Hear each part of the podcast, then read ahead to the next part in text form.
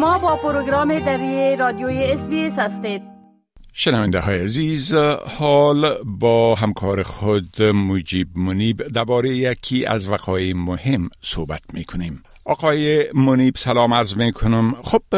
مسئله به تأخیر افتادن صدور ویزه ها و خصوص ویزه ها برای درخواست دهنده های افغان در جمع وقایع مهم است که ای افغان ها طبعا پس از حاکم شدن طالبا افغانستان ترک کردن. بله؟ بله سلام آقای که به شما و شنونده های عزیز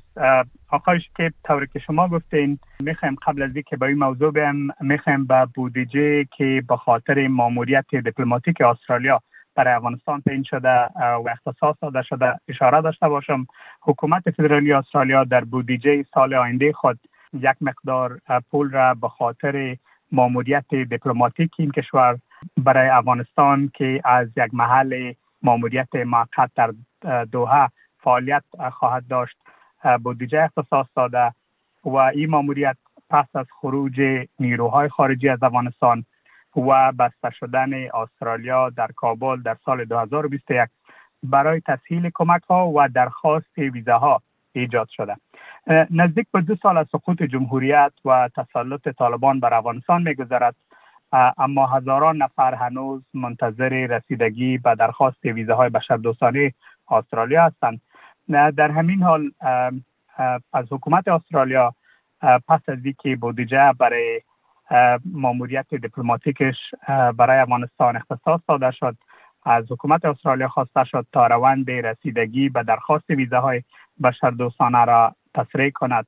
وحید الله ویسی سفیر افغانستان در استرالیا گفته که او تاخیر رسیدگی با ویزه ها را درک می‌کنه اما امیدوار است که تسریع در اسکان افغان ها به اولویت حکومت استرالیا تبدیل شود. آقای ویسی گفته در یک مصاحبه با, با شبکه خبری اسپیس گفته که در چند سال گذشته هر کاری که ممکن بود استرالیا انجام داده و بر روش کار استرالیا احترام می‌گذارد. اما کار این کشور در مقایسه با بسیاری کشورها وقت بیشتر می‌گیرد. او می‌گوید که باز نگه داشتن دفتر دوها یا ماموریت در دوها برای مردم افغانستان که تلاش می‌کنند از افغانستان خارج شوند مفید است. دیوید ساویچ مشاور سابق وزارت امور خارجه استرالیا که از یک حمله انتحاری در سال 2012 در ولایت اوروزگان جان به سلامت برده او هم در یک مصاحبه با شبکه خبری SBS گفته که کار به اندازه کافی انجام نشده و مسئله دیگه ای است که در حال انجام شدن هم نیست. گزارش های نشر شده نشان میده که مشکل اصلی است که در حال حاضر ده ها هزار نفر در افغانستان منتظر ویزه های بشردوستانه هستند اما به دلیل نبود امکانات چک امنیتی معاینات صحی و بایومتریک در افغانستان کارا به وقتش انجام نشده و ممکن تصمیم در مورد درخواست ویزه ها زمانگیر باشه یا ممکن هیچ تصمیمی گرفتنش تا چند سال آینده. بله خب ارقام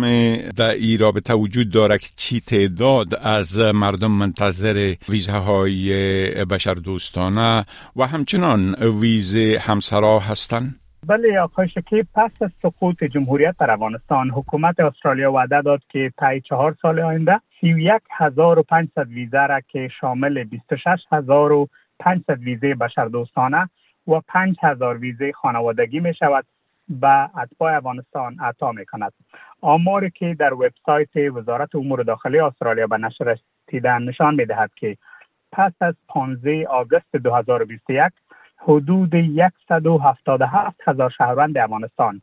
در قالب 37 هزار درخواست از استرالیا تقاضای پناهندگی کرده. از این جمله 32 هزار درخواست ثبت شده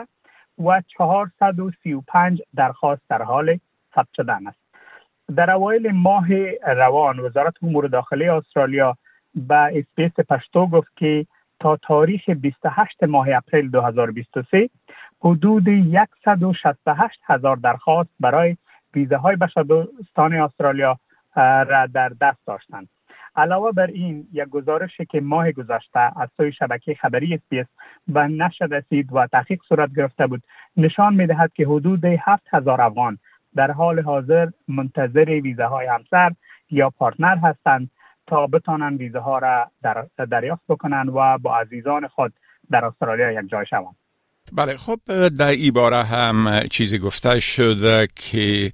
تا حال پس از سقوط جمهوریت در افغانستان و حاکم شدن طالبا چی تعداد از افغان ها به استرالیا رسیدن؟ بله آقای شکیب در پاسخ به سوالات SBS وزارت امور داخله گفته که از زمان سقوط جمهوریت بین 15 آگوست 2021 و 28 اپریل 2023 استرالیا به حدود 11500 افغان ویزه دائمی بشردوستانه اعطا کرده. کسانی که تخلیه شده بودند و پس از اینکه با ویزه های مقت به استرالیا آمدند و پس در استرالیا ویزه های دائمی به دست آوردند این افراد شامل این ویزه هاست و یک تعداد افراد دیگه که در کشورهای دیگه هستند و آورده شدند ویزه های دائمی استرالیا را به دست آوردند اما وزارت امور داخله استرالیا دقیق نگفته که چی تعداد افراد وقتی که تخلیه شدن آمدن و ویزاهای دائمی بشر دوستان استرالیا را به دست آوردن یا چی تعداد افرادی که از هند پاکستان و ایران آمدند ویزاهای دائمی استرالیا را به دست آوردند. و همچنان در این مورد معلومات دقیق در دسترس نیست که کسانی که منتظر ویزاهای همسر یا پارتنر بودند چه تعداد ویزه ها برشان داده شده و کسانی که فعلا در افغانستان منتظر هستند آیا کدام انتخاب دیگه هم وجود داره به دلیلی که فعلا در افغانستان امکانات بایومتریک امکانات چک صحی و همچنان چک امنیتی نیست. آیا بدیل برای وجود داره که راه های دیگه پیدا شود تا افغانهایی که می‌خواین از افغانستان بیرون شوند راه های دیگر را پیدا بکنن و معاینات را انجام بتن و بتانن که ویزای استرالیا را به دست بیارن وزارت امور داخلی استرالیا گفته که حکومت استرالیا متحد به برنامه های سخاوتمندانه و انعطاف پذیر بشردوستانه و اسکان مجدد است و از این جمله دیده میشه که هزاران نفر با ویزاهای دائمی با استرالیا آمدن و کار روی دوسیه های دیگر جریان دارد. بله خب بسیار تشکر آقای منیب از توضیحاتتان و فعلا شما را به خدا می سپارم و روز خوش برتان آرزو می کنم. تشکر آقای شکیب از شما هم. می خواهید این گونه گزارش ها را بیشتر بشنوید؟ با این گزارشات از طریق Apple Podcast، Google Podcast، Spotify و یا هر جایی که پادکاستتان را می گیرید گوش دهید.